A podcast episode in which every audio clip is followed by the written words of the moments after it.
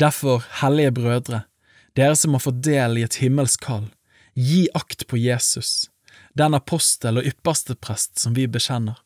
Han var tro mot den som innsatte ham, like som også Moses var tro i hele Guds hus. Men Jesus er større ære verd enn Moses, for han som bygger et hus, er jo større ære verd enn huset selv. Hvert hus er jo bygd av noen, men den som har bygd alt, er Gud. Og vel var Moses tro som tjener i hele hans hus, for å vitne om det som skulle forkynnes.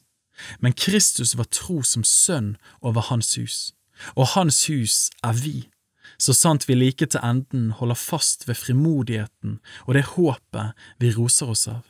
Derfor, som Den hellige ånd sier, i dag, om dere hører Hans røst, da forherd ikke deres hjerter, som ved forbitrelsen, på fristelsesdagen i ørken, der deres fedre fristet meg ved å sette meg på prøve, enda de så mine gjerninger i 40 år.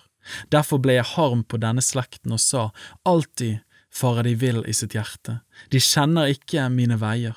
Så sverget jeg i min vrede, nei, aldri skal de komme inn til min hvile.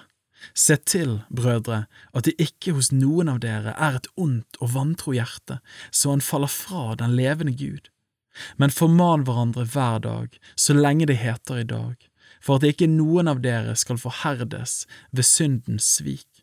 For vi har fått del med Kristus, så sant vi inntil enden holder fast ved den første, fulle visshet. Når det blir sagt i dag, om dere hører hans røst, da forherd ikke deres hjerter som ved forbitrelsen. Hvem var det da som hørte, men likevel forbitret ham? Var det ikke alle de som dro ut fra Egypt, ledet av Moses? Og hvem var det han var harm på i 40 år? Var det ikke på dem som hadde syndet, så deres kropper falt i ørkenen?